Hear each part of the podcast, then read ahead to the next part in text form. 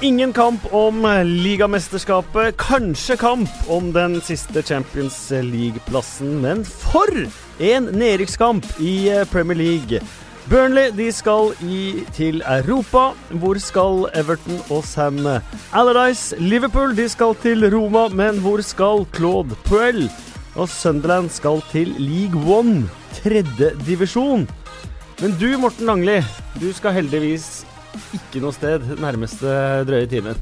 Nei, skal sitte her og prate litt ball med deg og Torstvedt. Det blir hyggelig. Og Erik Torstvedt, du skal heller ingen steder, men er du Nå hørte røpte første? du, Morten, at jeg var her. Skulle være det, det, det, det var kjipt. Nei, jeg blir her, jeg òg, altså. Så det er jo lenge siden jeg har sittet her med Morten ved min side. Så det var jo noen år i studio der. Men uh, Det sånn er det når han er bossmann og det snapper på hverandre. Eh, deilig å ha deg her, Borten. Din eh, debut her. Jo, takk for det. Eh, Manchester City, hvis vi bare skal begynne der på toppen. Det som er sagt om Manchester City, det er for så vidt eh, allerede sagt, egentlig. Eh, Jeg kan lov til å skryte av én ting. ja. At det, det er nok av andre lag som har vært i sånn posisjon på slutten at nå kan vi sette nye rekorder og sånt, og så har det egentlig ikke skjedd. For at det, det har bare fisla ut, og sesongen har vært slutt. Men de holder pigre foten på gasspedalen. Og eh, det skal de faktisk ha litt skryt for. Og det tror jeg skyldes at de er et, et utviklingsprosjekt. da, En sånn læringsgreie. Der det ikke bare handler om å vinne neste match, men at vi hele veien skal prøve å bli litt bedre hver sabla dag på trening og hver eneste gang på match. Og Da virker det som om det trigger spillere har veldig tro på den type motivasjon, da. Istedenfor at bare noen står i garderoben og klapper og sier 'kom igjen', som det jo var veldig mange år i engelsk fotball. Så er det nå på en måte en sånn greie der folk blir litt sånn utfordra i forhold til faget, da. Rett og slett. Hvordan kan vi greie å spille enda bedre? Og det er en veldig, veldig bra greie. Det er ikke så lett å spille mye bedre enn dere har gjort på toppnivået sitt den eh, sesongen her. Og det viser litt styrken i systemet, og hvor godt alle er drilla òg. Når de gjør endringer med to-tre spillere, så blir det ikke mye svekka. Mm. Du ser igjen de samme bevegelsene. Selvfølgelig tar du ut De Bruyne da Silva samtidig, så vil alle lag eh, merka det, men det jeg var sånn ekstremt imponert over den sesongen, der var det plutselig Delf spilte venstrebekk, så han unggutten Zinsjenko kom fra offensiv midtbanespiller på rekruttlaget ned på venstrebekken, og så blir du ikke betydelig svekka. Det, det bare bekrefter at du har et veldig godt fundament i, i bånn. Jeg har kost meg med City-matcher den uh, sesongen her, for de har spilt en helt fantastisk fotball. og Ekstremt verdige mestere. Kanskje var det en liten tabbe av Pep å gå all in på alle fronter der en periode, som han gjorde. Men jeg skjønte at det var fristende òg. jeg hadde jo et skjema sjøl på de fire titlene. Nå ble det bare nå ble det bare to, og spesielt den der FA Cup-matchen mot Wiggen var litt sur med utvisninga rett før pause der, og så surra de det litt til i annen omgang, så jeg burde hatt sjanse på den tittelen der òg, men alt i alt strålende sesong. Men eh, nå sitter jo liksom alle og lurer på hvordan skal vi greie å tette det. Mourinho har jo sagt det ganske bra, da, synes jeg. At, at vet du hva, Hvis de leverer samme greie en gang til, så er det nesten sjanseløst. Så Du kan ikke konkurrere mot et lag som tar over 100 poeng. Ja, men, og en måte så de faktisk kan bli litt bedre på, er jo den posisjonen som du nevner, Morten. For at når de får eh, Mendy Ja. Nå kom han jo innpå sist. og Da fikk han fem matcher som gjør at han får ligamesterskapet. Men, men altså, det er jo selvfølgelig en litt bedre alternativ enn de par andre. Og det er en spiller som kommer til å gjøre at, at City sånn utgangspunktet kan løfte seg enda et bitte lite hakk. Men de burde jo egentlig vært ansatt i markedsavdelinga. Ja.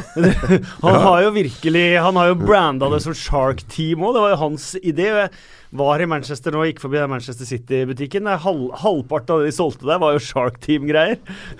Han har prosenter, vet du. Det er Image rights nå til dags, det er jo halve lønna. Men hvordan skal eh, de andre laga tette, da? Guardiola sa ja ja, vi skal bruke penger i sommer. Det skal ingen lure på. Eh, de har mest penger, de har det beste laget. Har antakeligvis den beste manageren. Eh, hvordan skal de andre klare å tette det? Ja, det blir ekstremt vanskelig. Men du har jo sett eh, nesten alle lag som har vært så dominerende som de har. Det er ekstremt vanskelig å gjenskape mm. suksessen. Kanskje en ny spiller som kan være backup for Fernandinho. Altså i den, I den rollen der. Han har vært der lenge nå. Han har vært strålende god, han. Det, er ikke, det er ikke det. Der er det jo snakk om han Fred. Han som kom til Sjaktar Ja, for å erstatte Fernandinho da Fernandinho dro han er, til go han er god. Han har sett i Champions League den sesongen her for det- De er jo en kjempeposisjon, de. Fikk jo forringra laget sitt i back-posisjon, på stopper med Laporte. Flere spillere som fortsatt kommer til å ha bra utvikling, som John Stones, Edersen i mål. Så nei, det, det, ses, det er lag å slå, men det er, det er jo egentlig opplagt. Et, kan ikke finne noe sånn derre eh, faglige ting som skal tilsi at de blir mye svakere neste sesong. Men det kan hende de andre lagene blir litt bedre, da. Men kunne ikke Ja. finne så enormt mange sånn eh, I utgangspunktet så tenkte jeg at Chelsea har et så sykt bra fundament da etter Ja. forrige sesong. Ja. Og se hva som skjedde med de, og, det å gjenskape den suksessen som du sier det, Mm. Nå er det vanskelig for oss å se at de skal kunne ramle, men øh, Og den, den største prestasjonen til Mourinho er vel å greie å ta rotta på det der er kanskje verdens beste lag gjennom alle tider. Barcelona på toppen av eh, Altså, de var bare helt sykt gode, og så likevel, sesongen etterpå, så greide han med hjelp av absolutt alle midler å, ta de. Og det Han sitter jo og planlegger nå òg. Hva kan vi gjøre? Real Madrid denne sesongen her da, har jo gjort det veldig svakt i serien i forhold til uh, forventningene. Har egentlig aldri vært i nærheten av det seriegullet etter at de fikk en litt sånn trøblete start. Og de gikk jo inn i den sesongen her som favoritter både der og i, i Champions League, mens maksnivået blir tatt ut der. Mm. det, det viser jo nå nesten i alle ligaene hvor ekstremt vanskelig det er å, å få med seg alt. Du ser det, altså PSG gikk jo tidlig av Champions League, så, så tar de det som er i, i Frankrike. Italia har vært mer kamp enn det har vært uh, noen gang nå. Og det blir litt sånn at den sesongen der, du kan se sånn som i England i fjor, så fikk jo nesten alle laga med seg lite grann. Og hvis, ja, hvis du tenker på at Champions League Ja, ja. er en slags en tittel, da. Og sånn kan det jo bli den sesongen her, og hvis da United eller Chelsea tar jo FA-cupen, så da får et av de laga en tittel. Og Chelsea kan fortsatt klare Champions League selv om det er litt tungt. Og Arsenal kan klare Europaligaen. I forrige sesong så ble det jevnt fordelt. Det kan bli litt skeivere nå at alle Mm. de laga som To av dem kan ende opp med å ikke få noen ting, sånn som Chelsea og Arsenal. Eh, For Europaligaen. Det er jo en, Ja, eh, du må, jo pokal, vinne, det ja, du må jo vinne der, da. Ja, ja. Og så klarer må jo det. Ja, United gjorde jo klare prioriteringer sist sesong for Ja. å få Champions League den veien, og, Og klarte den, det. Denne Arsenal-matchen òg var jo altså for en mulighet, da. ja, Altså for en mann, mulighet. og så mange muligheter de hadde i tillegg. Ja, det var Altså, nesten det vondt var å se på. Altså. greie. Men det er jo typisk Atletico Madrid, det var det ikke det, da? Jo, De man stikker- skjønte nesten Det lå nesten i kortet, det at de skulle skåre på slutten der. Skåra på den vanskeligste sjansen han Lacassette. Ja, faktisk. Ja, ja, ja. I den kampen der. Ja. Og alle, alle de der små detaljene når Griezmann òg skårer, da. Med Koscielny, og så kommer Mustafi som glir, og treffer på innsida av beina til, til keeper. Altså, det er så mye greier, og så bare får han han inn. Altså. Det smått sykt, men eh, det lever ennå, da. Det blir en eh, gøyal eh, bortematch. Det blir en veldig gøyal bortematch. Det snakkes om rekorder. flest poeng i øverste divisjon med tre poeng for seier 38 kamper. Det er Chelsea, det. Den kan slås. 100 mål var det nå på Manchester City. Rekorden der er 128 for Aston Villa i 30-31. Eh, men de spilte 42 kamper, så de hadde 3,05 mål per kamp. Man City har 2,91 per kamp. Ja, altså Man City har vel nå 102, har de ikke det? 102 har de. Ja. Ja, de passerte 100 med Mm. et eh, herlig selvmål der. Dobbel uh, ja. Altså, Sabaleta fikk det målet oppført som selvmål. Altså, det blir enten på Sabaleta, ikke på Rice? Ja. Oh, ja. Det, var, det, det forstår ingenting av. Nei. For det første så greide jeg ikke å se før etter 1000 repriser at han var bortom ræva til Sabaleta. Men at han skal få den, da Den hadde vel gått inn uansett. Mm. Ja, rar greie. Rar greie. og Typisk at man får det mot Ehm, I og med at vi var inne på Manchester City, tar jeg bare et kjapt spørsmål fra B. Helgevik på Twitter. Hva skal til for at Stirling får den anerkjennelsen han fortjener? Har vært blant Citys aller viktigste spillere denne sesongen. Tre målgivende mot uh, Westham. Har 23 mål totalt denne sesongen. Mm. Er ikke han anerkjent, da? Altså, jeg vil tro at den er eh, Jeg har kommentert det engelske landslaget en del. eh, Han vil tro han vil være et førstevalg der.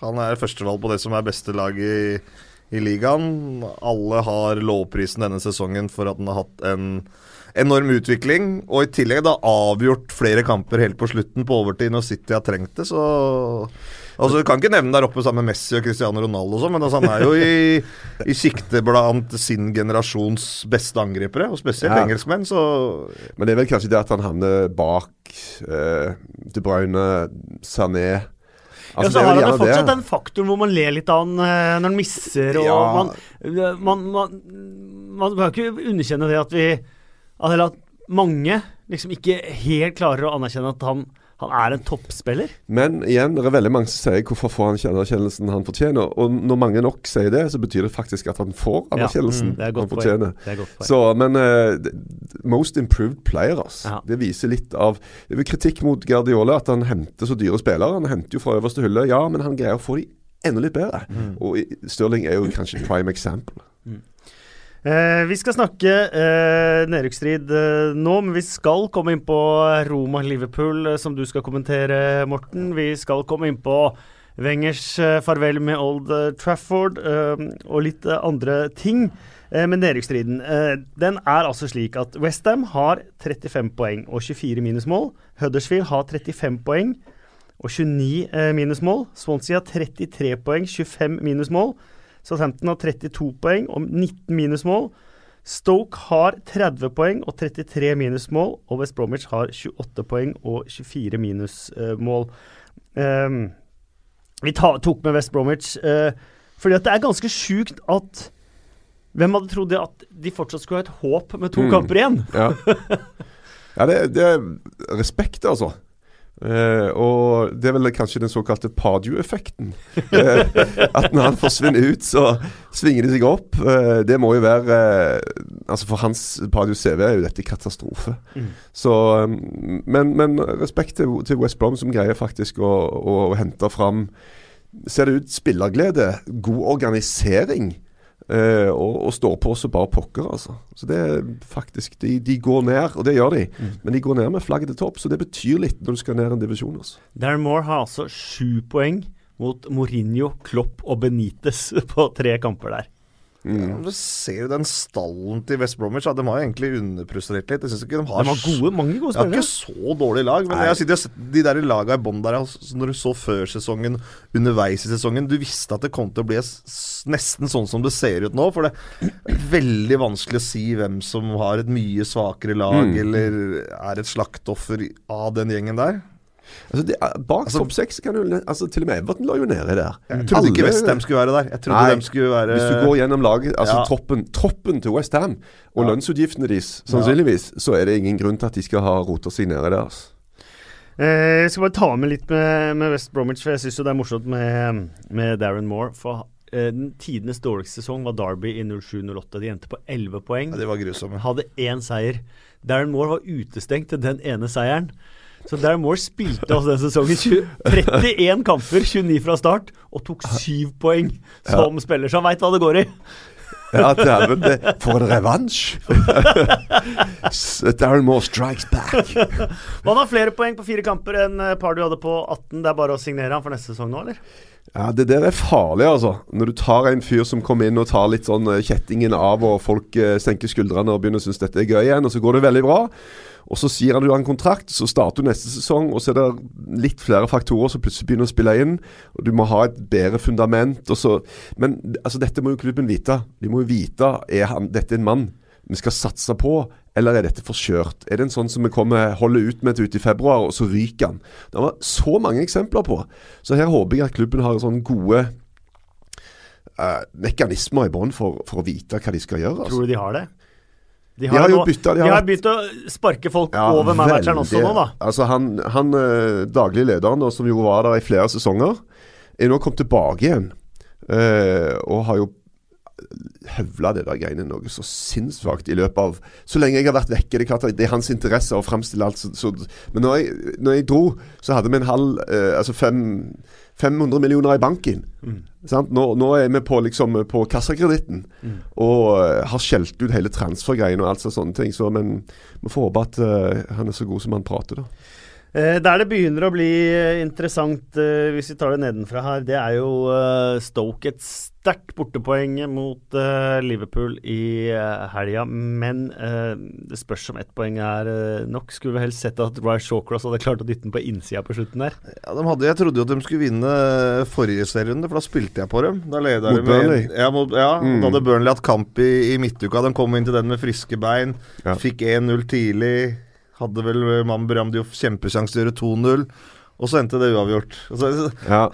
Og det, det ser ut som en liksom fellesnevner for en del av disse lagene. Du klarer ikke å vinne. Og så Huddersfield i helga, Ja. tenkte jeg. Mot Everton, som ikke har noe å spille for. Mm. Ok, nå tar du den trepoengeren, og så er det alt uh, over, og du kan puste. Ofte så gønner de ut fra starten av matchen. De har gått og seika seg opp. De sitter i garderoben. Nå trør vi til. Og så har de vært De er så tappa for selvtillit, og de har vært gjennom så mange dårlige opplevelser Mm. at etter hvert som kampen skrider fram, og de kanskje har en ledelse, så ser du at de begynner å tenke "Nå- må vi ikke gjøre noe Nei. feil. Nå kan vi gå til helvete. Som, som uh, Stoke gjorde mot Burnley, når de mista grepet Ja. etter hvert. Og som er Southampton øynene. på slutten. Southampton hjemme mot Chelsea. De leder 2-0. Ja, Det er er perfekt. Så taper de 3-2. Ja. Så det er en greie som sitter i knotten der, altså. Eh, men klarer man å se at uh, tar de seks poeng, så har de 36. Da er de i hvert fall forbi uh, antageligvis uh, Huddersfield, som har Mm. Manchester City borte, Chelsea borte og Arsenal hjemme. Men to seire må Stoke ha. Ja, jeg tror ikke de greier det. Jeg jeg er rimelig sikker på at de ryker, altså. Mm. For Men og Ja, de Det er too little too late. Uh, og nå fikk de jo eh, et veldig bra poeng. Og det, jeg syns det er så deilig å se et lag som ofrer seg så sykt. De er så trøtte. Det er så vidt de greier å stå på beina de siste ti minuttene. Det er bare heroisk innsats, altså.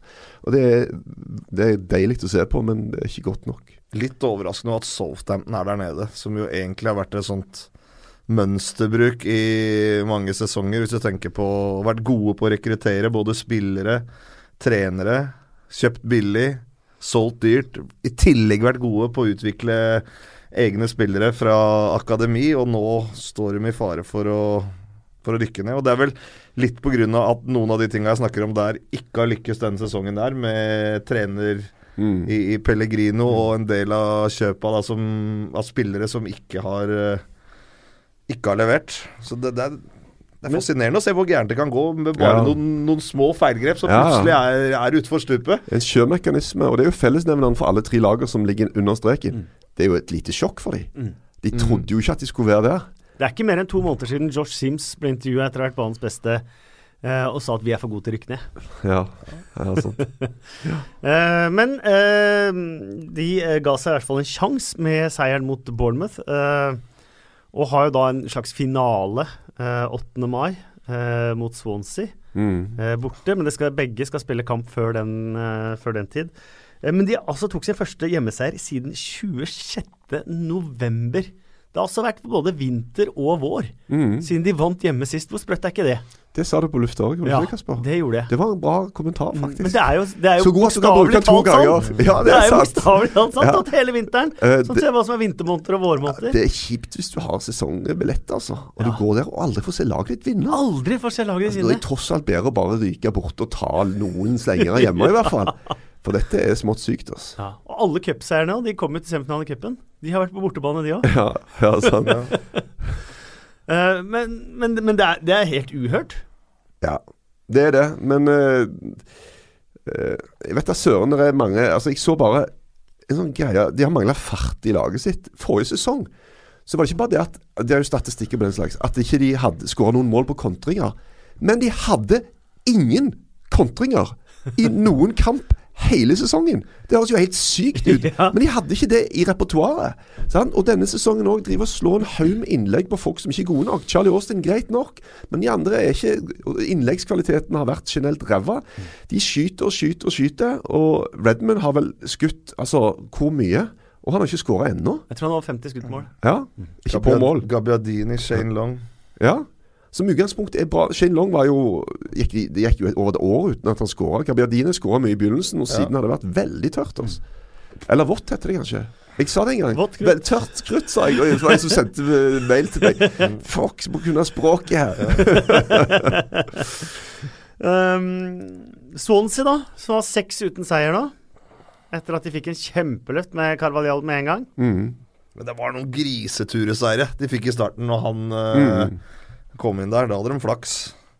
Men disse lagene er det så De er jo dårlige. Altså, det, det er så mye Når disse lagene her møter hverandre så bare, altså På oddskupongen sånn, Jeg bare stryker over dem. Altså, du, du kan gjøre noe så spesielt sånn der saklig vurdering. Altså West Brom, Watford, Huddersfield, Brighton.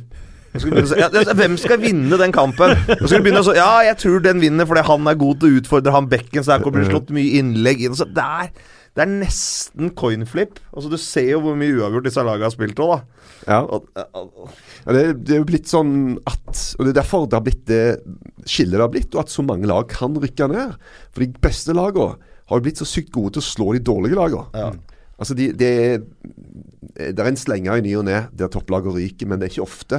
Og så er det da tombolaen med den andre gjengen. Der Ja. det bare alle slår alle og spiller uavgjort her og der. Og så blir det veldig veldig lite skille. da Forrige sesong så var det jo større avstand mellom nummer seks og nummer syv enn det var mellom nummer syv og nedrykk. jeg pleier å si det er de lagene som spiller lørdag klokka fire. Ja, det er sant. Og så spiller du hele tida lørdag klokka fire. Da er du i gjørma. For de beste lagene spiller ikke lørdag klokka fire lenger. Sånn var det nå øh, før. I gamle dager var det sånn. Men nå spiller de dårlige lagene Spiller lørdag klokka fire. Og da er du helt nede i gjørma hvis du ligger der og spiller. Hvor ofte har disse lagene her spilt på attraktive tidspunkter? Det er jo når du møter et av topplagene. Når du møter hverandre, så er det alltid lørdag klokka fire. Eh, Jeg føler litt, Jeg er ingen av dere som hører på Guardian sin podkast, Football Weekly. Eh, Barry Glendenning der, han er fast eh, Han har litt samme teori som deg, eh, Morten. Alt under topp seks, det er ræva.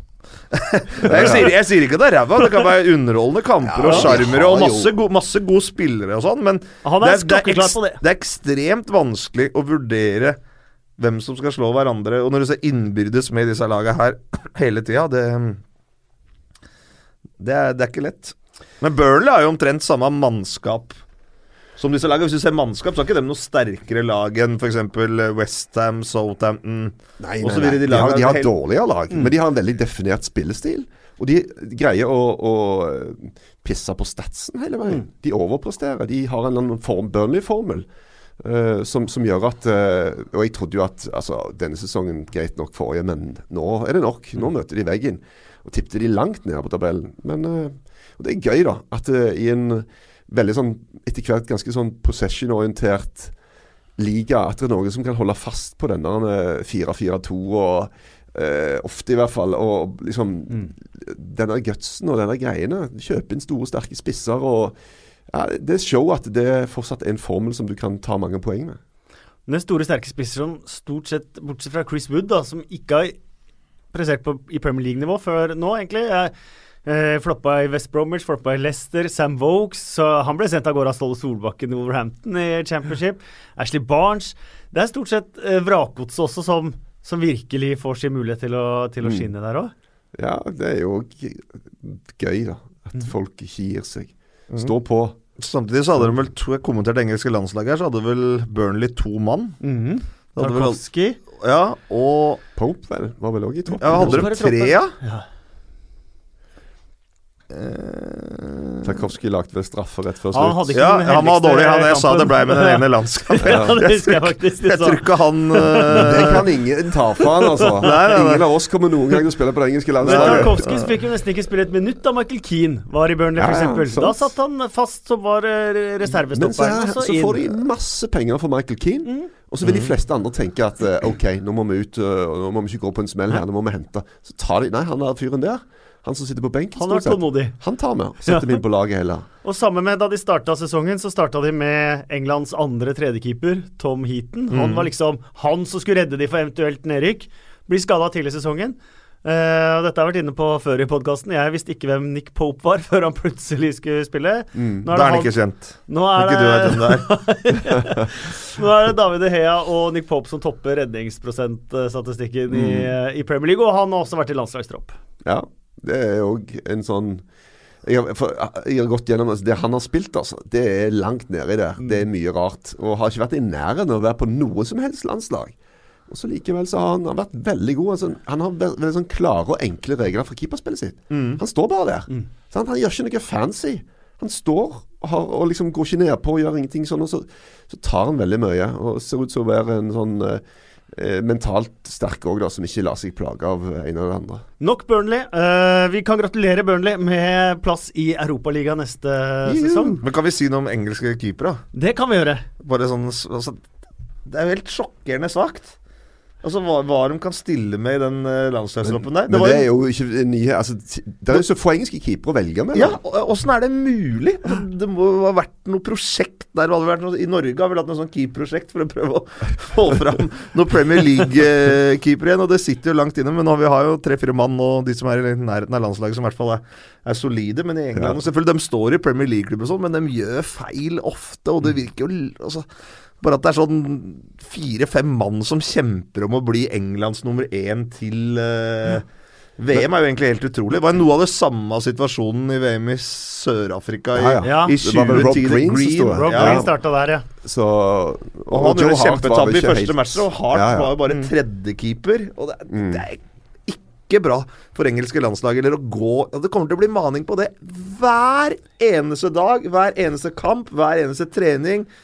Liksom, Who is England number one? Bam, bam, bam. Og så altså, en, en liten tabbe der av Pickford da i, i, første, i første kampen. Så er det bråk og mas uten like. ja, det kan gå veldig bra òg. ja for Pickford kommer til å stå. Det er jeg helt overbevist om. Det er helt overbevist Jeg ville gått for Butland, men det er nå greit. Ja, Så- det, ja det, men det ville nok jeg også. Men jeg, jeg, sånn som jeg har lest uh, Southgate, da, for å si det sånn, ja. uh, denne sesongen nesten, så tror jeg Pickford er den som kommer til å stå åpningskampen til England. Jeg så noe stats på det, hva Butland har av baklengsmål de siste Ja, to sesongene. Og, Pickford, altså han har mye bra i seg, men ofte er han litt sånn klumsete i bevegelsen. Og så har han jo et vilt tilslag, men det er ikke alt Ballen plutselig bare fung, sparker han ut av stadion Ja. tre Også, ganger på rad. kom- Kommunikasjonen med de foran nå Jeg synes For meg er Pickford en veldig sånn fysiske keeper. Det er så mye kraft, og det er så mye greier, og det er så mye kjempelange spark og sånne Ja. ting. Mens Butland er for meg en litt mer sånn eh, Filosofisk. En litt mer sånn vurderende. Har, har sånn Han leser spillet kanskje litt bedre og litt mer avbalansert i noen av de tingene han gjør, da. Så eh, Men, eh, men de er gode i mål, syns jeg, da. Altså, Ja, Misforstå meg rett, Ja. Erik. Altså, det er jo ikke dårlige keepere, men hvis du ser på andre land som England liker å sammenligne seg Ja. med, da, så er det jo helt annen keepersituasjon. Også i sånne land som Tyskland, Mm. Men kommer Noya til å rekke dette her? Ja, ja. Ja, jeg så på forrige Bayern-matchen nå, Ja. så sto han og prata med Joakim Löw på tribunen Ok. Oi. i, i, i pausen her. Så han er, jeg har sett noen bilder han legger ut. Han er med gress i trynet. Han er i Ja, ja. Men er han uh, naturlig førstevalg nå foran Ter Stegen? For bare for å la dette skli ut ordentlig. Han Ter har en Stegen har jo syk vært posisjon. ja, der. han. Ter Stegen har jo hatt en fantastisk sesong. da Ja, Jeg har prata med noen folk om det. De sier hvis Noyer er klar, så står han. ja. Og det. der har jo han Løv litt tradisjon. Og han brukte jo close på Dolske. Så helt, han står med sin menn. nei, jeg er ikke sikker. Vi får se. Det er Ja. Men han var jo veldig involvert, eh, Løv. Han var vel assistent da de valgte å hive ut uh, Ta inn Lehmann istedenfor uh, Hva? Kran, ja. Det var jo en svær greie. Og, det, og, sånn, vet hva- hvordan Bayern-lobbyen Hva makt de har på aviser og bilt og Det var en syk greie, da.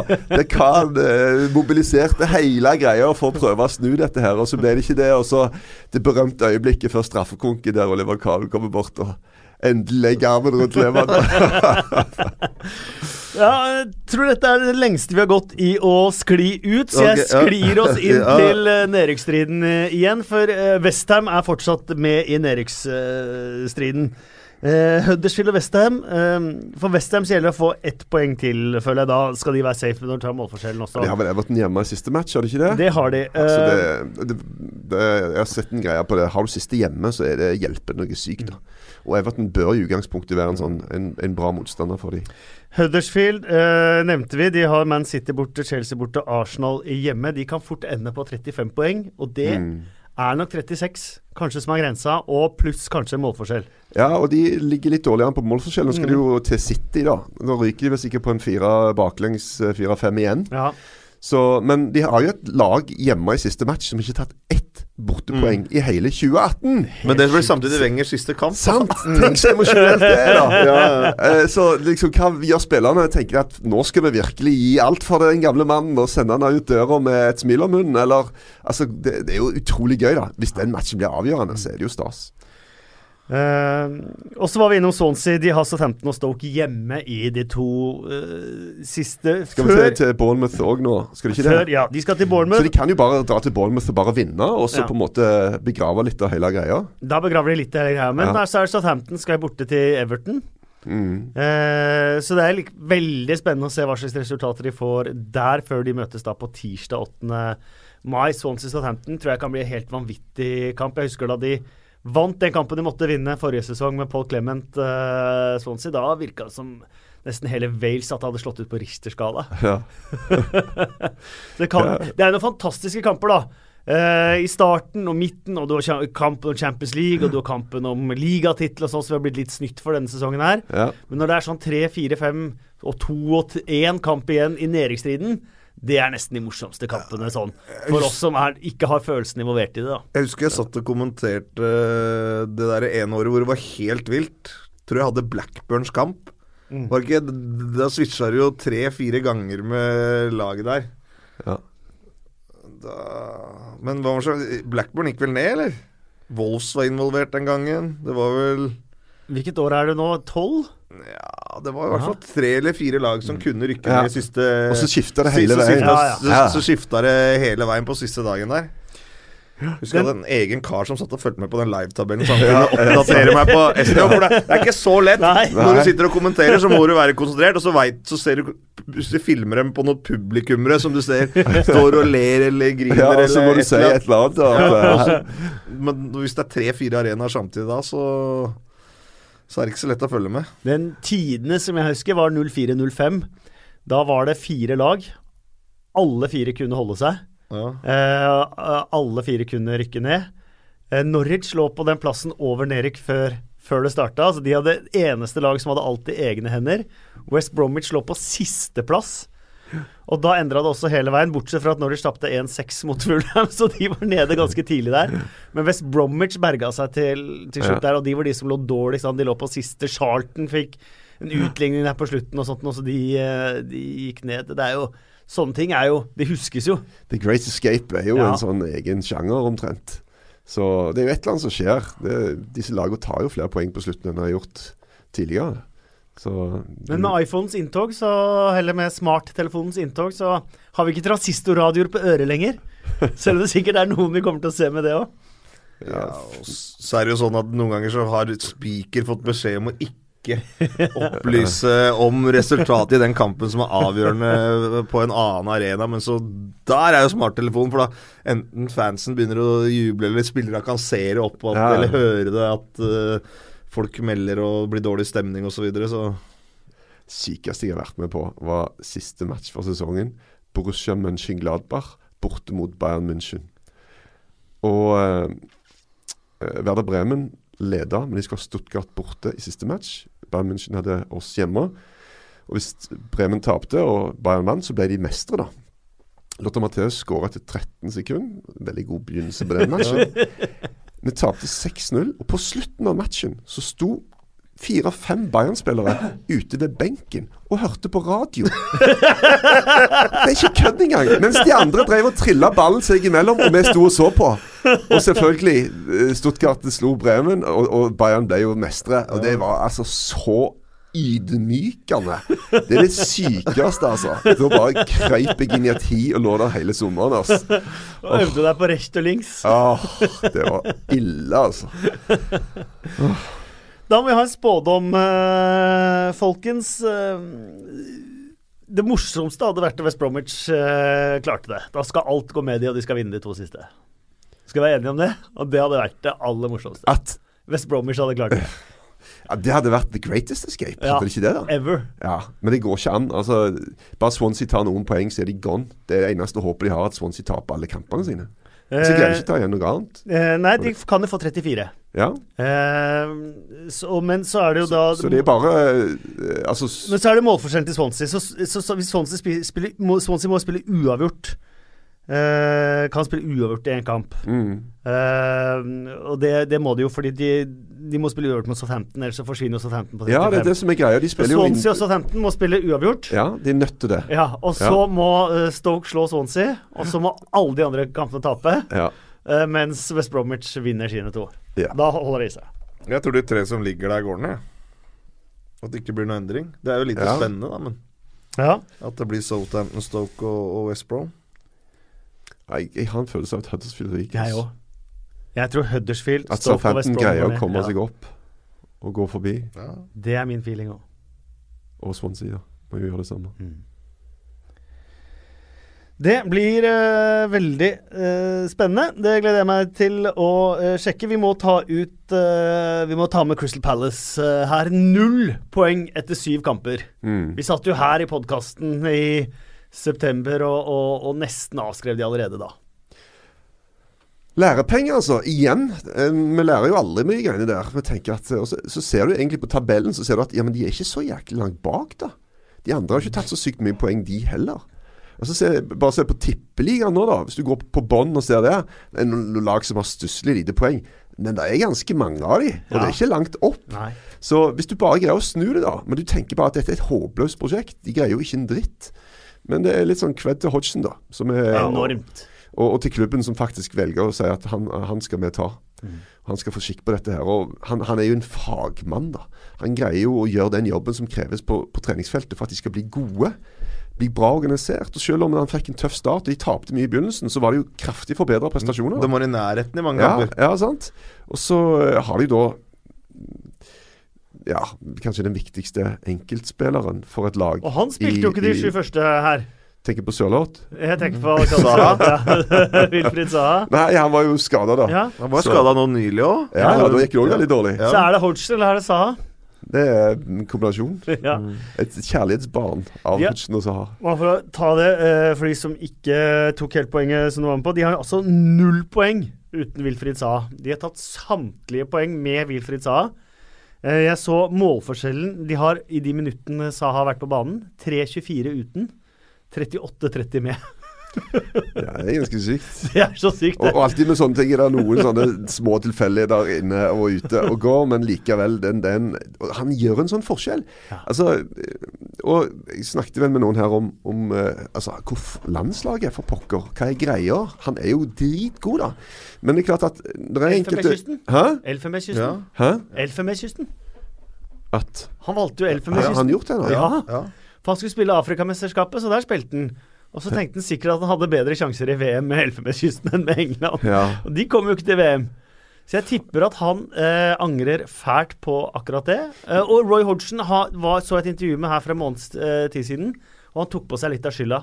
Jeg tok ikke godt nok vare på eller satte nok pris på Wilfried Saha. Nei, ja. Det var engelsk landslagstrener. er han fikk jo den ene kampen mot Sverige. Men jeg, dette diskuterte jeg faktisk med en eh, litt sånn inside engelskmann, som mente at det er noen folk, og det er et godt poeng egentlig, som, som egentlig ikke passer til å ligge fem uker i et mesterskap. Altså De er av personligheter. Saha er en loner. Han er en litt spesiell type. da. Han er vanskelig for å på en måte John Joe Shelby ble prata om i samme greia. Han er en fyr som du skal være litt forsiktig med. Sant? Se på Andy Carroll, da. Som er jo en fyr som sikkert er populær blant guttene, og sånt, men hvis ikke han får spille noen ting og går og begynner å bli litt rastløse der i løpet av disse ukene, så kan det faktisk utvikle seg til å bli en liten problem. Så eh, du har sånne momenter òg, da, inne i, i en sånn type vurdering. Men at uh, Henning Berg og Mini, f.eks. ja. Men Skal du være veldig forsiktig med. men å ha hatt Saha og Stirling i VM hadde jo definitivt vært et våpen for England. Ja, men det er egentlig mange som skal inn og spille i de òg. Du må tenke hvor mange har du plass til. Altså Hvis Dele Alli skal spille og Kane Ja. skal spille, da har du to.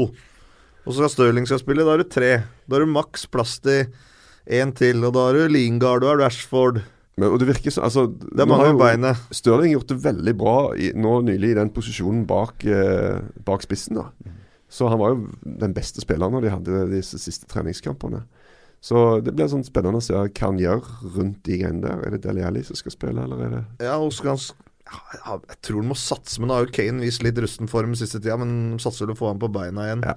til VM. Og Og det har han jo litt å bevise òg, da. Han har Ja. vært urdårlig i, i mesterskapet. Også. jeg tror jeg som trener ville prøvd å stå på den kombinasjonen, det samarbeidet de har utvikla i klubblaget, inn på, på landslaget der. Og der har jo Der har jo egentlig Southgate en fordel, da, for han har jo spiller egentlig fra veldig få klubber. Han har masse sånne der connect, klubb Mm. han kan uh, dra på der. Det er jo ja, Tottenham, Liverpool, United uh, og City tungt. Jeg trodde jo til og med at uh, Wings ja, på et tidspunkt skulle uh, være en mann som skulle uh, For han synes jeg var kjempebra på et tidspunkt, og så har han bare glidd ut. Glidd ut. Så Men Jeg, jeg har jo tro på Altså, jeg har av ingen tro på Gareth Southgate i utgangspunktet. Men jeg syns jo at England totalt sett har underprestert så mye. Altså, De har, har egentlig hatt litt mer inne, da. De har bare totalt fått prestasjonsangst på de rareste tidspunkt. Så hvis de greier bare å prestere sånn noenlunde normalt, så kan de komme seg til en kvart og semi. Det tror jeg faktisk er mulig. Fått hjelp av Antonio Conte også, som har sett han skal spille Cahill i de siste kampene, så han skal få muligheten til å spille seg inn Mm. i, eh, i VM-troppen. Eh, Arsen Wenger dro til Old Trafford for aller siste gang som Arsenal-manager. Eh, fikk en litt uventet eh, hyllest. Så det ut som, eh, så ikke ut som Wenger var forberedt på det. Og Sir Alex og Mourinho på matta der. Det var et fint øyeblikk. Ja, det var kjempebra. Men de kunne vel ikke forberedt den på det, for da tenker jeg at han litt sære franskmann eh, kunne takka nei. Så det var jo veldig bra sånn måten det det skjedde på deg med Ferguson som sto og glisa. Og det er, det er bra med litt sånn hjertevarme after all Ja. these years. Ja. Men du vet ikke hva som sto på den pokalen? Jo, jeg leste i i Ja, dag. det- det Specialist in failure? Nei, det kom på det. Det var, eh, det var en takka, De takka han for uh, årelangt uh, rivaleri, vel. Både Mourinho og, og Ferguson. Og men det var litt spesielt for Wenger da å kanskje reise da til Old Trafford med det svakeste mannskapet han har stilt noen gang. Ja. Sånn Ja, i hvert fall på papiret. så bra, da. Ja, de gjorde det jo bra. Men apropos at Wenger ikke var forberedt, men av og til er det jo sånne ikoniske TV-øyeblikk som blir skusla vekk. da. For når dette skjedde, så lå det jo liksom lagoppstillinger eh, Ja. på skjermen. og Ja, ja. Det ble bare liksom bare prate om at nå skjer dette, og så får du søren ikke se det. Nei. Og vi fikk se det etterpå, men det var liksom litt rart, da. Ja. Så, for det er jo det er det folk kommer til å huske fra den kampen. Det er jo akkurat dette her. Jeg har jo alltid hatt en teori om at hvis ikke Morten Langli hadde drevet med det han uh, gjør, så hadde han vært verdens beste TV-producer. Ja, jeg liker å tenke litt sånn TV. Men eh, det er, det er mye rar uh, Det er ofte en sånn rundown de følger da, før kamp. Du kan jo få det, og dette sto vel sikkert ikke på rundownen til noen hvis Nei. bare Ferguson tok Ja. eh, Tok regi der, egen ja. regi på dette her, og, og sier det dem som arrangerer på Old Trafford at gi meg fem minutter før kamp her. Mm. Men jeg tror det må være en litt sånn bitter Eller sånn litt blanda følelser for, for Wenger, da, som har fått så mye drit. Han har selvfølgelig fått mye drit fra Mourinho, som nå står der med armen rundt han, og Han har jo til og med fått ganske mye tyn fra, fra egne fans, mens han nå universelt hylles, da. Og det er klart at det er en fin ting, men samtidig så er det litt sånn OK. Men eh, Hvor var dere, liksom? Ja, sant. Skjønner det. Det er som en begravelse, da. Du, Du får bare leve, det, leve det, det, det er sjelden noe negativt kommer fram der òg. Få weddings and a ja. Men uh, han burde jo hatt litt mer uh, fingertuppsfeeling og så trukket seg etter sist sesong. Mm. Ja. Med FA Med Cup-trofeet. Ja, ja. FA-cup eh, Og da var en synkende kurve. Da hadde han missa Champions League. Ja. Og han hadde vel ikke Han hadde vel fortsatt, hvis han ikke hadde blitt skjøvet ut. Ja, det tror jeg i hvert fall Ja. eh, The timing wasn't mine. Så Men hvem overtar? Det er jo store spørsmålet nå. Ja, hvem, eh, hvem tror vi?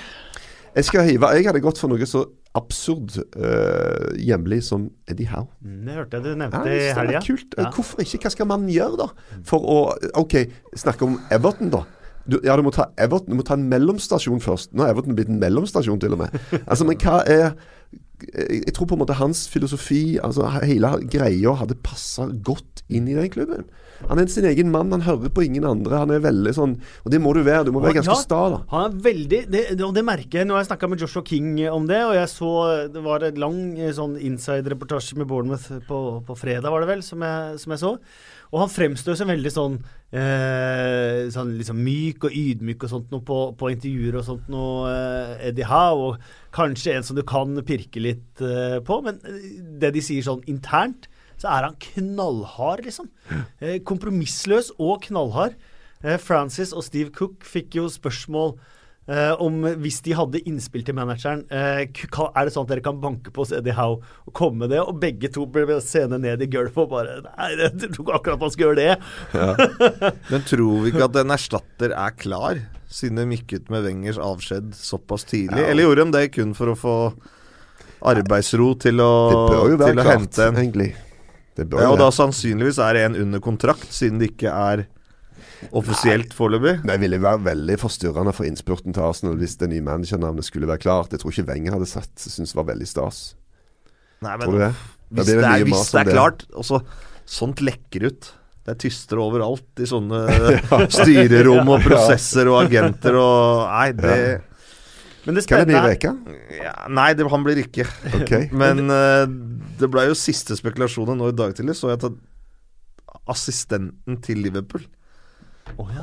Bovac, at han var uh, linka til en Arsenal-jobb. Men det er sikkert bare ville spekulasjoner, i og med at han skiller seg med Klopp nå etter Mm. 17 års kjærlighetsforhold. Litt Mm. spesielt to dager før eh, en av sesongens viktige kamper, viktigste kamper. Men eh, nei, jeg veit ikke. Det blir jo ville spekulasjoner her i mange uker. Men, Men de jeg tror har de må tenke litt langsiktig, da. En Angelotti og sånne ting, det er sånn greit nok. Men det er ikke noe sånn som gir ny energi og revitaliserer hele greia, liksom. Ja. En bra fyr, men, men du må liksom ha et eller annet som kan uh, gi ny, ny Altså litt Red Bull inn i hele systemet. Ikke bokstavelig talt. Ikke det at det skal bli en ny Red Bull-klubb, men eh, RB Arsenal. Kan være en, Rasenball. Arsenal. kan være en VM-trener, da. Så går de ut med han etter sesongen er ferdig. Så har han VM-treneren tar over. mm. Jeg veit ikke hvem det skulle være, da. Men det som er litt spennende, er at de sikkert har sett uh, på Manchester United uh, her, og sett hvordan man ikke skal gjøre det. Uh, I Manchester United så var det både Gill og Ferguson gikk samtidig, og plutselig sto man litt sånn på bar bakke da Moy skulle inn og være the chosen one.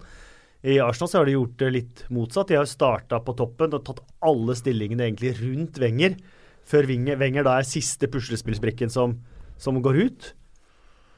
Ja, Hva skal han gjøre? Skal han være sånn sjuende far i huset, eller skal han ta Sa vel nå at han skulle ta seg et I hvert fall fri en periode. Og det, Han ender vel i en eller annen fransk Ligue 1-klubb, tror du ikke det? Eller et landslag, kanskje? Franske landslaget. Han vil trene, ikke være sportsdirektør. Mm. Eh, litt fint som det var i kampprogrammet der sir Alex Ferguson skrev at eh, han og Wenger pleier å møtes, spesielt under managerkonferansen i Sveits. Og der har de en egen liten restaurant i Sveits, i hvert fall én gang i året, hvor de to, bare de to spiser middag sammen. Og det har de gjort i lang tid. Yes. Det, cool. det er litt fint. Ja.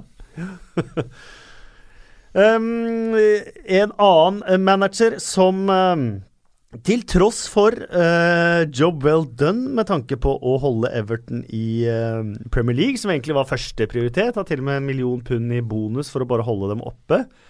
Uh, det er Sam oh, Allardyce. Mark Hughes skal få to millioner for Southampton. Oi, oi, oi.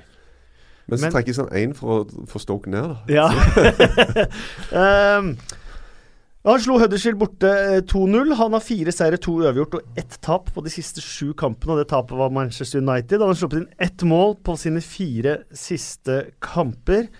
Eh, det er kun topp fem som har tatt flere poeng siden han tok over. Chelsea har tatt, bare tatt fire poeng mer enn eh, Everton under Alarise siden Alarise tok over. Likevel forhatt blant fansen. Få han ut. Um, ja. Han, eh, jeg lurer på om jeg nevnte det her før, at han er en sånn type manager som hadde bare hatt mye bedre å holde kjeft. Mm. Så hvis han ikke bare hadde sagt noen ting som helst, så hadde folk syntes litt bedre om han. Mm. Det er en eller annen greie med at han har litt sånn selvforherligende og skal alltid vri det til sin fordel. og eh, og Det er veldig vanskelig for en klubb å gå inn i en ny sesong totalt uten entusiasme blant fansen. Det, Moyes er litt i samme situasjon. Men av en eller annen grunn så syns bare folk Moyes er, er bare litt sånn ah, Han er ikke verdig, liksom. Og det er vanskelig for en manager når du havner litt sånn i døden, sånn som det der, altså.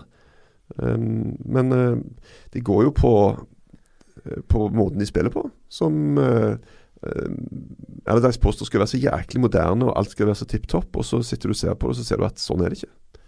Nei, han sa vel eh, Du snakker om hva han sier. Han sa vel at uh, resultatene mot Liverpool hadde gjort at de hadde slått dem ut av Champions League.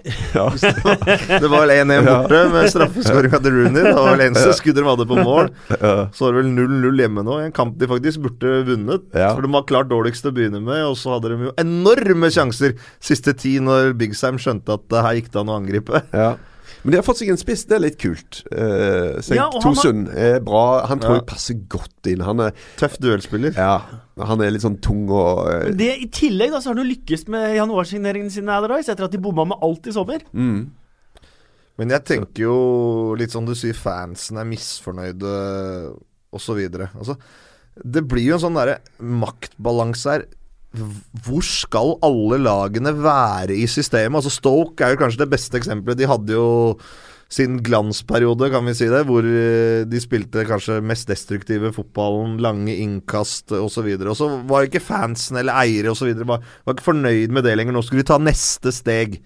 Og så gikk jo det ganske bra i starten. De havna jo på omtrent samme Mm, nivå, ja, ja. sånn 8-9-10. Og nå er de da på direkte nedrykk. og så- Hvor skal, de, altså, hvor skal disse lagene være på tabellen? Hvilke middel, hvor, hvilken spillestil, hvordan rekrutteringspolitikk skal de velge for da å klare seg? Det er jo det som er målet. Du, altså, sånn, å si at du skal være der oppe, og nå er målet vårt å bli en topp seks-klubb og Champions League osv. osv. Så, videre. så jeg tror det er eh, kan være veldig forstyrrende for mange lag. Altså, hvor, hvor er den naturlige plasseringa til Everton? da? Det er vel omtrent der de ligger i øyeblikket. Ja, og så det, men det går òg, tror jeg, på spillestil.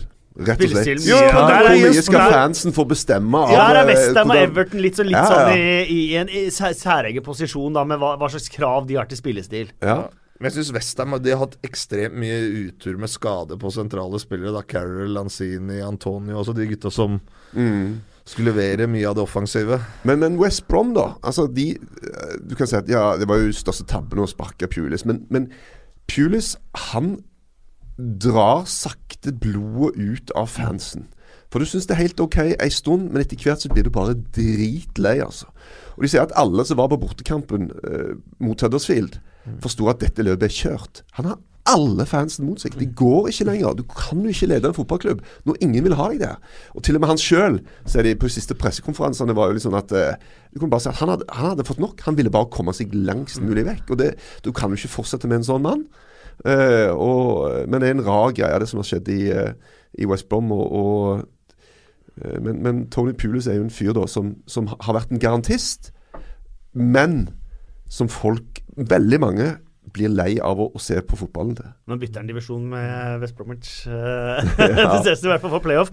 Men vi må, må litt videre på, på Everton og Allardyce. For at Everton, sånn som du sier, eh, Langli, eh, så er jo de Langli har blitt Langli nå, Langli. I utgangspunktet så er, jo, eh, så er jo de et lag som kanskje føler at de, er, de har en lang historikk. De har vært lengst sammen med Arsenal i den øverste divisjonen I, i England, eh, helt siden første verdenskrig. Eh, de føler kanskje at på 80-tallet så var de jo vant, drev noen vant ligaen og, og, og greier. Eh, de føler jo i hvert fall at de er på størrelse med Tottenham, f.eks. De føler ikke at de er noe mindre klubb enn Tottenham. De har lange tradisjoner, eh, og de ser at naboen eh, 200 meter over parken her eh, begeistrer en hel verden. Man skjønner jo at når du har da en manager som skylder på spillerne når de taper, eh, tar æren selv når de vinner, eh, som skaper færrest sjanser nesten i, i Premier League siden han tok over, til tross for at de eh, plukker bra med poeng. Eh, de begei han begeistrer ingen. At, at man Ja, men Jeg skjønner den følelsen supporterne har, den skjønner jeg veldig Ja. godt. Samtidig så skjønner jeg litt eh, det forsvaret til Allardyce også når han sier at eh, 'jeg har levert det jeg skal levere, og kanskje mer til'. Mm. Og det er jo eh, Hva var det de sa nå? At uh, Nei, det var, det var Moyes det som skulle fortsette, men de, var likevel, de kikket likevel på andre muligheter. Det er en ganske rar ting å si av en klubb, altså. Ja. Eller de har jo òg vært ute og prøvd å få oppklart sin posisjon. Og de hadde jo denne her greia der eh, de gikk ut og spurte supporterne og skulle Én til ti. én til ti eh, Hvorfor det? Sandnes. Og det ble han jo selvfølgelig fly forbanna for. Ja, det skjønner jeg. Som han sa, han ville gitt seg sjøl elleve. Ja. Men der var han jo morsom. Der er jo ja, ja. På sitt beste. For nå tar jeg ingen flere spørsmål om denne her spørrekonkurransen. Og så spør selvfølgelig han første, spørs, eh, første journalisten da Uh, ja, hvilken karakter vil du gi deg selv? Og så bare gliser han sånn 'piss off, eleven'. Ja. Nei da, det er en eh, Det er enkelte sånne som Som de bare deler fansen, da.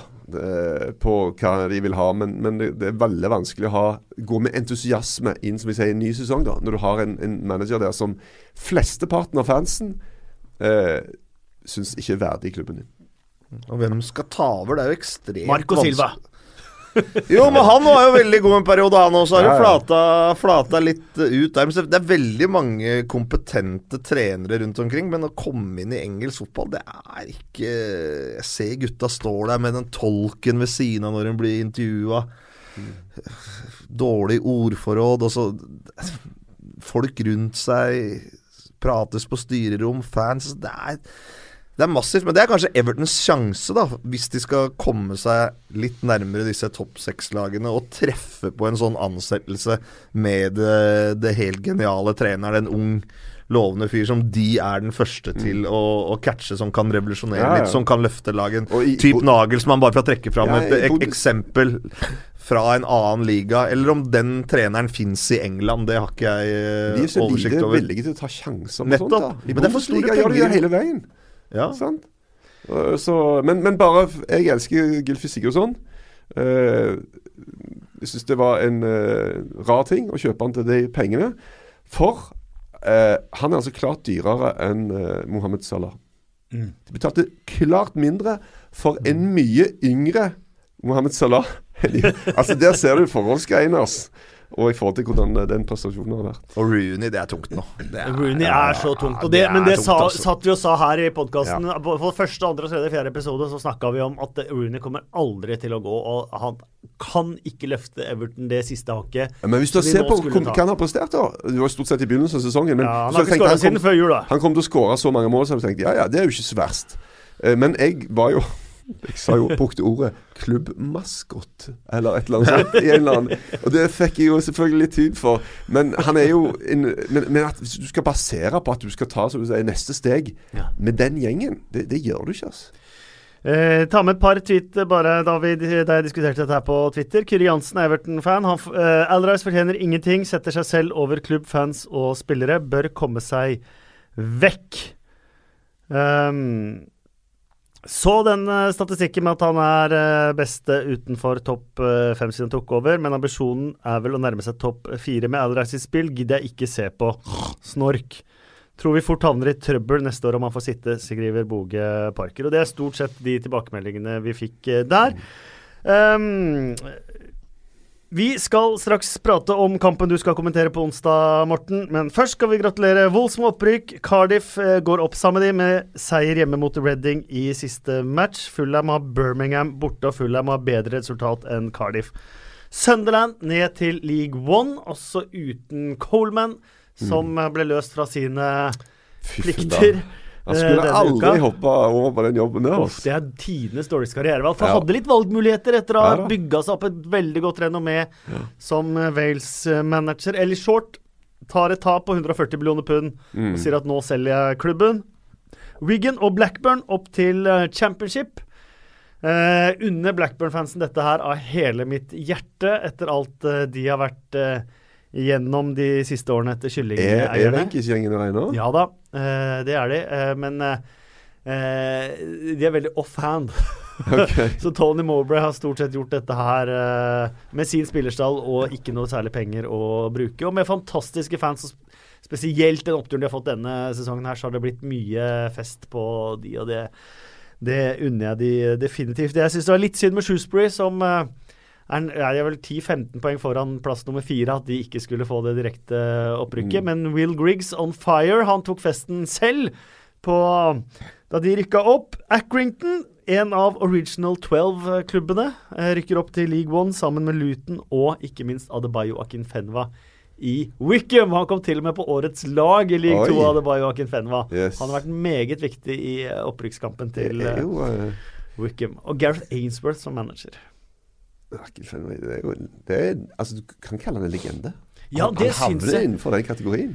Ja, spesielt i og med at han har fått 99 på strength i Fifa. Det har vært det som har gjort han tatt det siste steget. Han har liksom hatt den plaketten hvert år når Fifa har kommet, Le, ikke, eh, kommet Darren. Moore hadde skåra høyt på den, hadde det vært sånn manager Ja. strength. Altså, Ja, han er litt av en eh, kraftkar. Nei, Jeg har møtt Akin av to ganger. Og, eh, I match, eller? Nei, etter match. Når jeg har vært og sett på, på Du har ikke markert han, han er, som stopper? Nei, det har jeg heldigvis ikke gjort. Det hadde ikke du klart heller. Men han er en utrolig hyggelig og imøtekommende, og når man ser han rundt etter kamp, han er den som alltid tar seg tid til fans. Mm. Uh, og det er sikkert bra også for hans egen uh, merkevare, som han også er veldig på å eh, bygge beast mode. Ja.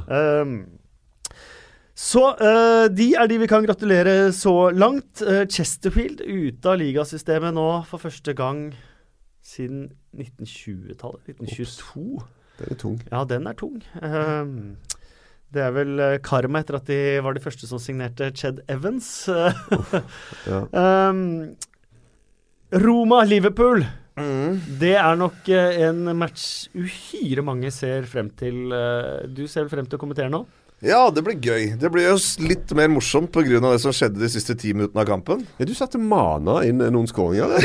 ja, og. Ja, men Ett eh, mål til nå! Ett mål til nå! På 5-0 så hadde jo alt vært eh, helt over og null spenning. Og det er jo kanskje nå, men samtidig så visste jo alle som var på stadion, alle som så kampen, eh, hele fotballverden, at eh, Roma slo Barcelona 3-0.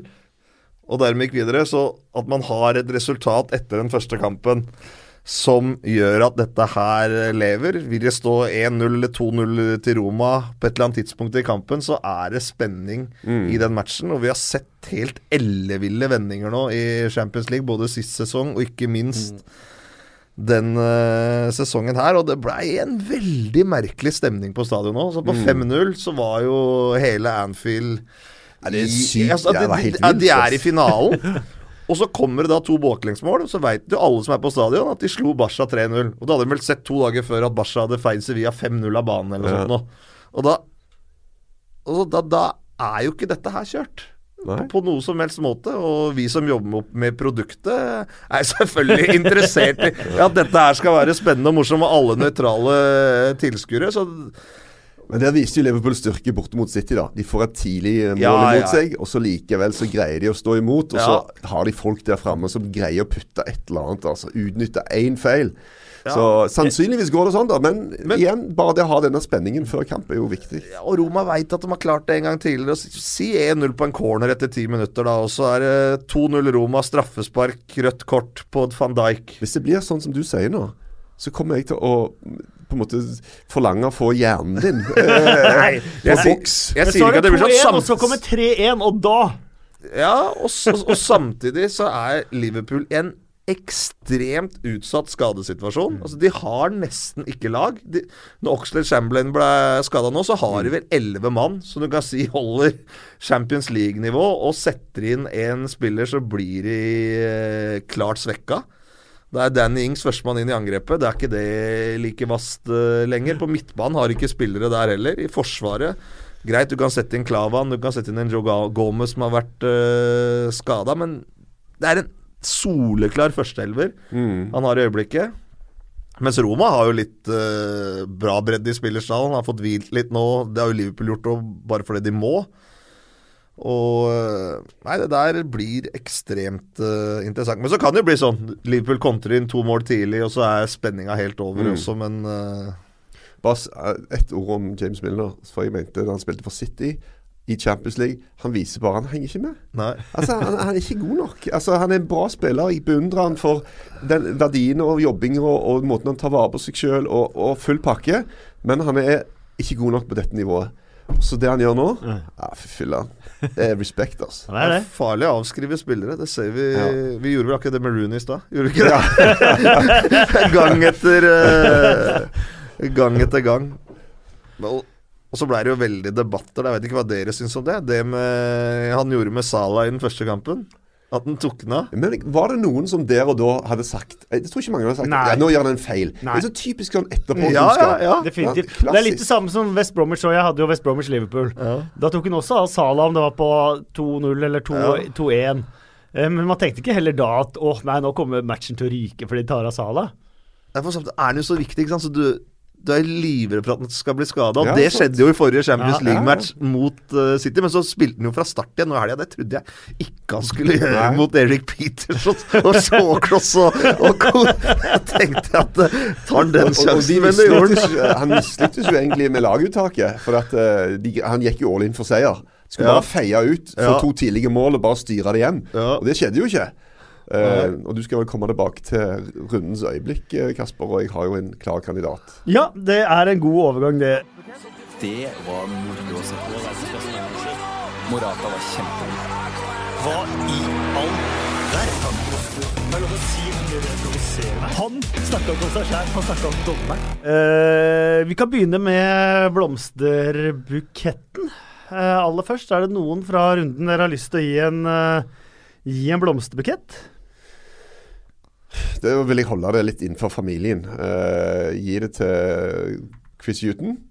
Som er en eh, gammel kompis fra Tottenham, og som har eh, nå, ved hjelp av det ene poenget, Det ene poenget mot Burnley som var helt, De hadde noen sånne Altså Hvordan Burnley ikke skåra den kampen, det er bare helt absurd. Det er den situasjonen. De hadde fire avslutninger på fire sekunder. Men, men eh, han, har, han er en bra fyr og har gjort en veldig veldig bra jobb med det laget der. Så jeg unner han eh, å har, Ved hjelp av Han er jo en manager som har tidligere har fått litt sånn negativt stempel. Men nå har han greid å få en veldig fin balanse, syns jeg, mellom det å, å være solide, men samtidig ha de gode offensive krefter. Da. Og måten han, han tok jo over et eh, Brighton som etter mange års fremgang og nesten har tatt noen steg tilbake. Mm. Og så tok han de to-tre sjumilssteg og, og både opprykk, og nå ser det ut til at de, de holder seg. Ja. Utrolig bra. Eh, da gir vi blomstene til Chris Huton. Uh, Og ja, det blir bare jeg, jeg bare liksom bestemmer. ja, du fikk bestemme. Det var godt. Ja, jeg ville kanskje gitt dem til Ferguson, jeg, da. For den flotte gesten overfor uh, Arsène Wenger. Ja. Du føler Men- Wenger har fått nok, han skal ikke ha mer. Nei, okay, Ja, ja. Chris Eller Mourinho for den flotte gesten. Jeg tror ikke han var helt med på det. Han blei med. Ja. Eh, ja, kanskje delen da, mellom Fergie og Chris Ja. Huton. Mm. Mhm. Eh, ukjent helt. En som gjorde en fantastisk jobb, men som kanskje ikke fikk de største overskriftene. Da har jeg en god kandidat. Dusan Tadic tok jo liksom showet på, på St. Mary's, men uh, Alex McCarthy hadde altså noen redninger der. Jeg føler du Den siste var litt oppskrytt, Kasper. Du skriker så sinnssvakt. Men han tar borti et bein på veien. Han tar borti et bein på veien, og han er veldig svak når en skudd endelig kommer fram. da. Men jeg liker jo han som keeper. Eh, Han har hatt én match som jeg tror er omtrent den beste en keeper noen gang har spilt i Ja, Premier den var jeg på. er det sykeste. Ja, det var mot Liverpool. Jeg satt i studio. Ja. Det var Liverpool-Reading. Det var Liverpool, ja. Reading Liverpool, ja, og den var jeg på. Og jeg må si at det er den beste det keeperprestasjonen jeg har sett live noensinne. Jeg var der. Det Ja, det var var på i, i Madeiski. Var det det? Ja, Ja, 100 okay. Ja. Jeg satt ved siden av Lars Sivertsen. Ok. Ja. Så, så han er en eh, Ja da, klart han er jo kjempe eh, Eller det er et godt bytte, da, å ta ut Fraser Foster og sette han inn. For jeg tror faktisk han rett og slett er en bedre keeper. Så det lønner seg Apropos engelske landslagskeepere, Fraser Forster var jo godt i den diskusjonen der før Ja. han ble vraka. Spør Petter Myhre om hva han syns. Er det noe annen ukjent helt dere tenker eh, fra helga? Nei. Få for den. Ja, Raheem Sterling har jo blitt nevnt. Utrolig artige bilder Simen fant fram på han og Sané på 1-0-skåringa. Ja, ja, det var det studio. faktisk. Jeg vet ikke om de ligger på Sumo. Hvis de gjør, så finn de fram. Ehm, eh, da tar vi kaktusen. Sånn apropos den kampen, så hvem var det som dømte den matchen? Mm, som ikke gir straffe. Som Ja. gir uh, frispark feil vei. Mm. Mm, husker faktisk Ny Warbrick. Ja, men altså Liverpool skulle hatt ei kjempestraffe over. På den Rett hesten, der. På hen- mm. Den er jo mer diskutabel, syns jeg, selv om jeg er enig at det er straffe. Men det var to straffesituasjoner. Det var en til Vestheim her òg, som han trakk utafor. Ja, men de skåra jo på det frisparket, Det så det var greit. så Men uh, du har jo pleier å ha noe eh, i tilfelle vi sitter her blanke. Kasper, Nei, jeg er ikke så blank, pleier du ha, nei, så min- du pleier å ha et eller annet oppi ermet? Ja, kaktusen er min uh, Nils Warbrick, vil Ja. jeg. Ok. Ja. Så dette med liksom respekt for dommere og ikke hindre rekrutteringen, og vi må få opp nye gode dommere, og vi må ikke holde de nede. og Jeg har respekt for dommere, men er du bare, Den kampanjen er du totalt imot. Du er ja, kaktusmann når det Du vil ha feil, og jeg uh, gir kaktus Du til vil de som ha gjør feil. artificial intelligence istedenfor. Du vil ikke ha mennesker på ingen engang. måte. På ingen måte. jeg tror vi kommer til å ha et kaos i Russland. Uh, men du hadde et go godt uh, god kandidat på rundens øyeblikk. Var det det du sa? Ja, Ja. det vil jeg faktisk si er noe som ikke er positivt. Det var rett og slett når Mohammed Salah bomma på den sjansen mot Stoke. ja, men Det var bare så uventa. Jeg, altså, jeg bare så, Hæ? Jeg kunne ikke forstå det at det ikke ble mål. Altså, Han gjorde absolutt alt riktig. Keeperen gikk ned. Ja. Altså, Alle jubla for scoring! ja, du, og så plutselig så rørte ikke nettet på seg. Jeg tenkte what? Ja, det var virkelig. yes. Jeg så det på telefon, så jeg måtte kikke en gang eh, ekstra ned der. For han, det var jo akkurat sånne situasjoner han har vært i hele sesongen. Han brukte samme teknikk. Ja, ja, ja. Og, han, og det burde vært mål. Han hadde bare truffet mål, så hadde det gått inn. Så Det var veldig bra Match of the Day-kommentering på den, faktisk. For han kommenterer når han kommer igjen og sier 'Mohammed Salah!' Shows he's human. du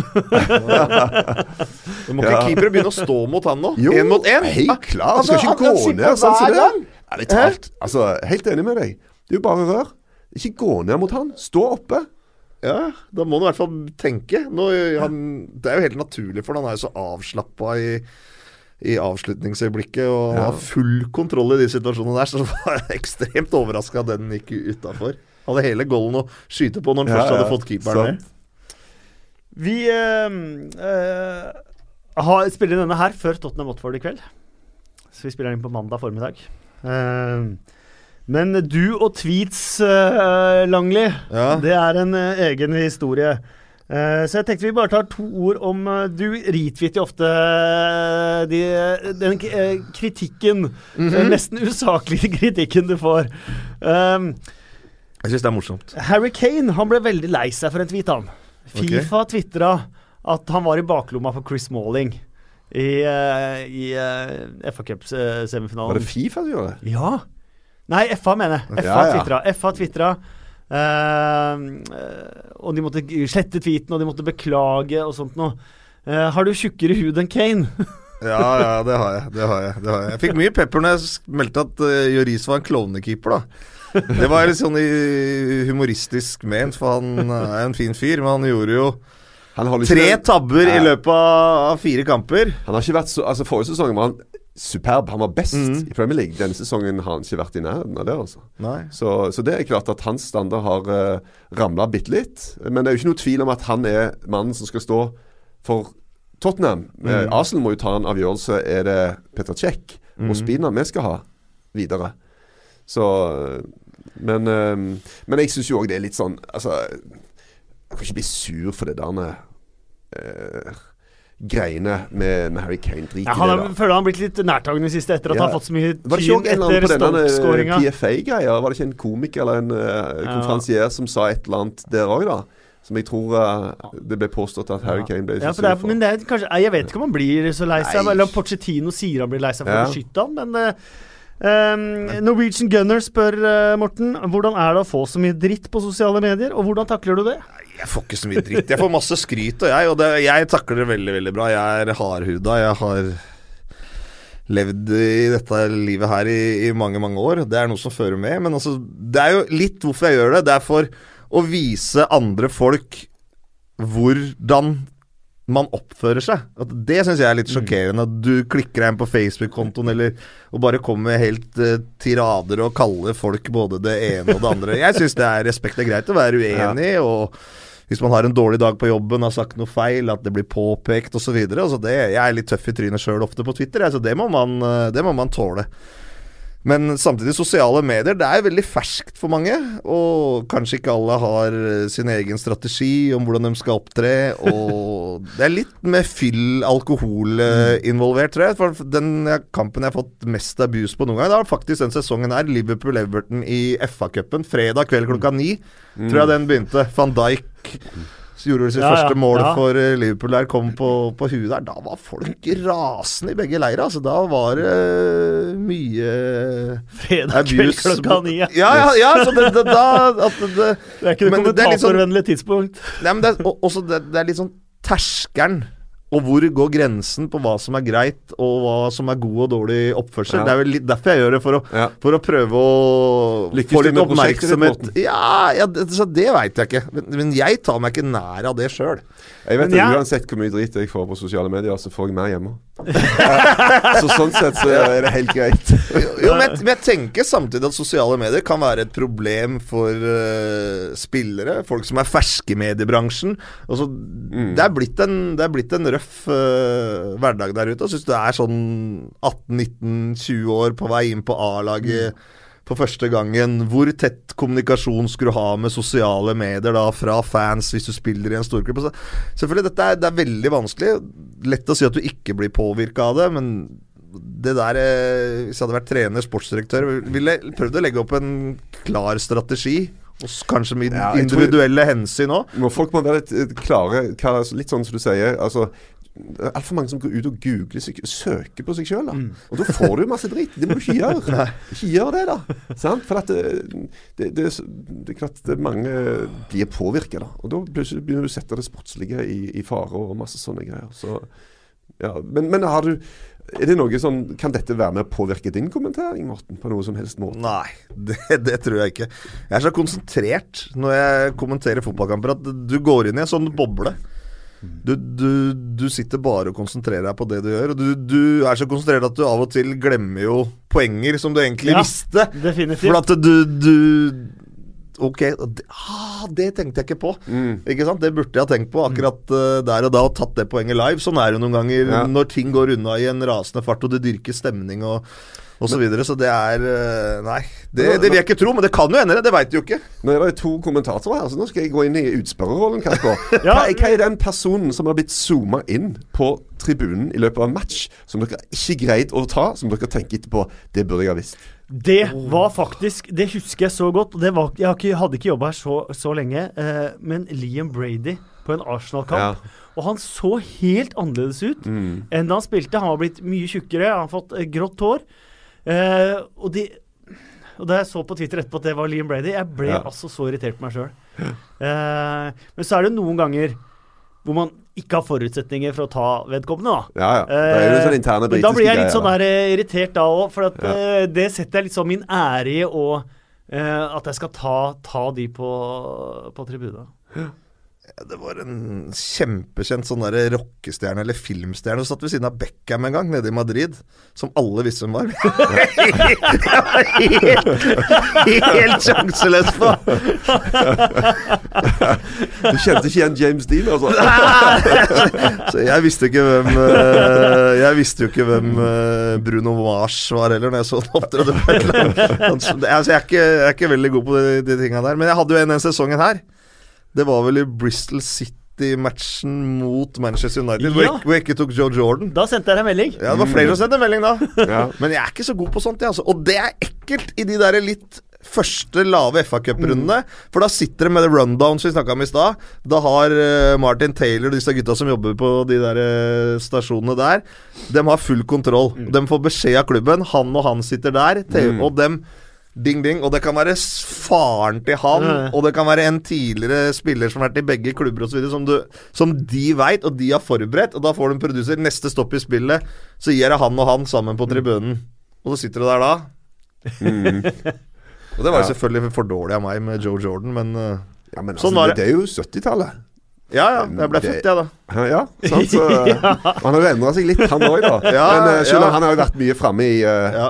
Han har jo holdt seg litt Jo, så var det poenget at han hadde svært i begge klubber osv. Og, Mm. og så Nei, det var ris på rumpa til meg. Det er for dårlig. Men Men sånn er det. så, sånn, må du tåle å bli, sånn tåle å bli tatt på. Ja, og det er jo, det er jo live-TV vi driver med her, og Ja. i øyeblikket eh, Og du kan få jernteppe på. eh, og nå, har- det er faktisk noe morsomt nå er at Alsak fortalte om et jernteppe han hadde fått på Westham.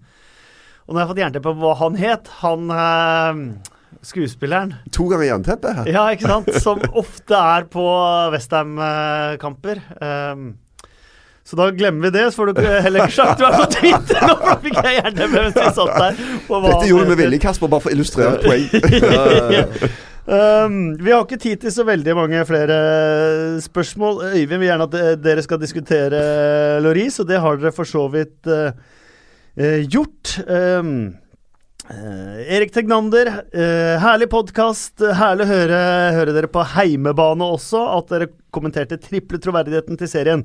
Glemte et øyeblikk at det ikke var virkelige kamper, så skal jeg ikke spoile hva som skjedde i episode 10 i går, for de som ikke har Jeg sett har ikke sett den heimebane ennå. ennå. Jeg skal se den i dag. Og Du har ikke sett eh, episode 10 ennå? Nei. Oh. Jeg har ikke sett serien, jeg. Nei, det burde du gjøre. Det er en bra, Ja, jeg bra okay. serie. Jeg får- Um, skal vurdere det. Eh, skal vi se her Vi må være litt uh, selektive her uh, nå. Um, da tar vi et siste her nå, siden vi har vært innom Liverpool og sånt nå. Christian Siljeholte. Klarer Salah gjenskape suksessen, og hvor god er egentlig Liverpool uten han? At han skal- klare å gjenskape suksessen, er nesten helt utenkelig Mm. Det, ikke, det går nesten i ikke en I en ny sesong. Og folk kommer ut til å ta motgrep. Nei, så Roma, spilte jo naivt mot den. Det er nesten sjokkerende. Han Ja. fikk jo større rom i den matchen enn han har gjort noen gang. Samtidig så så du jo Mourinho for United det forrige oppgjøret. Tok kjempehensyn, med Ashley Young spesielt. Pluss at han brukte kantspiller også til å, til å ta han ut. Og da ekstremt eh, opptatt av Hollen feilvendt. Det var jo noen herlige løpsdueller der òg, med Young og Salah, hvor de spurta over hele banen. Og sånn kommer han jo til å møte eh, oftere. Og, men han, han, han, han er god, ingen tvil. Men ikke, ikke over 30 mål for neste sesong. Det Og fordi han kantrolle òg! Han er jo ikke spiss. nei. Bill Edgar eh, kokte litt uh, suppe på spiker uh, denne mandagen i hans utgave av The Game uh, i The Times. Eh, så jeg tar med én fra Bill Edgar som jeg syns var fin. Eh, Konstantinos Mavropanos var den 221. spilleren til å spille under Wenger i Arsenal, men han er den første som har tosifret antall bokstaver både i første og etternavn. eh, og for, for og etternavn. Ja, den er syk, ass. Ja, skal jeg si. ja, det er ikke verst. Hvordan finner du ut sånt? Han eh, har en eh, hjerne som jeg gjerne skulle ha tatt en eh, både en øl og en kaffe med en eller annen eh, dag. Det ble det som var fra Bill Edgar. Eh, vi er på mm, Twitter med to PL-pod. Kan bruke både hashtaggen og eh, kan ta kontakt med oss direkte der. Oppfør dere, da. Men oppfør dere, det får være, det får være oppfordringen. Um, Felix, takk for at du lagde episoden. Bare hyggelig. Hva blir resultatet mellom Roma og Liverpool på onsdag? Eh, 3-1 til Liverpool. 3-1 til Liverpool, ja. Da blir det ikke noe spennende kamp. Da blir det ikke noe spennende kamp. Får håpe Roma tar ledelsen. Roma leder 1-0 til det er to minutter igjen. Da er det Litt spenning. Morten, tusen takk for at du kom. Bare hyggelig. Erik, du også, tusen takk for at du kom. Det var en fornøyelse. Det er en fornøyelse å ha dere her. Og en fornøyelse og at alle hørte på helt til slutten. Det var hyggelig også. Så høres vi igjen neste uke.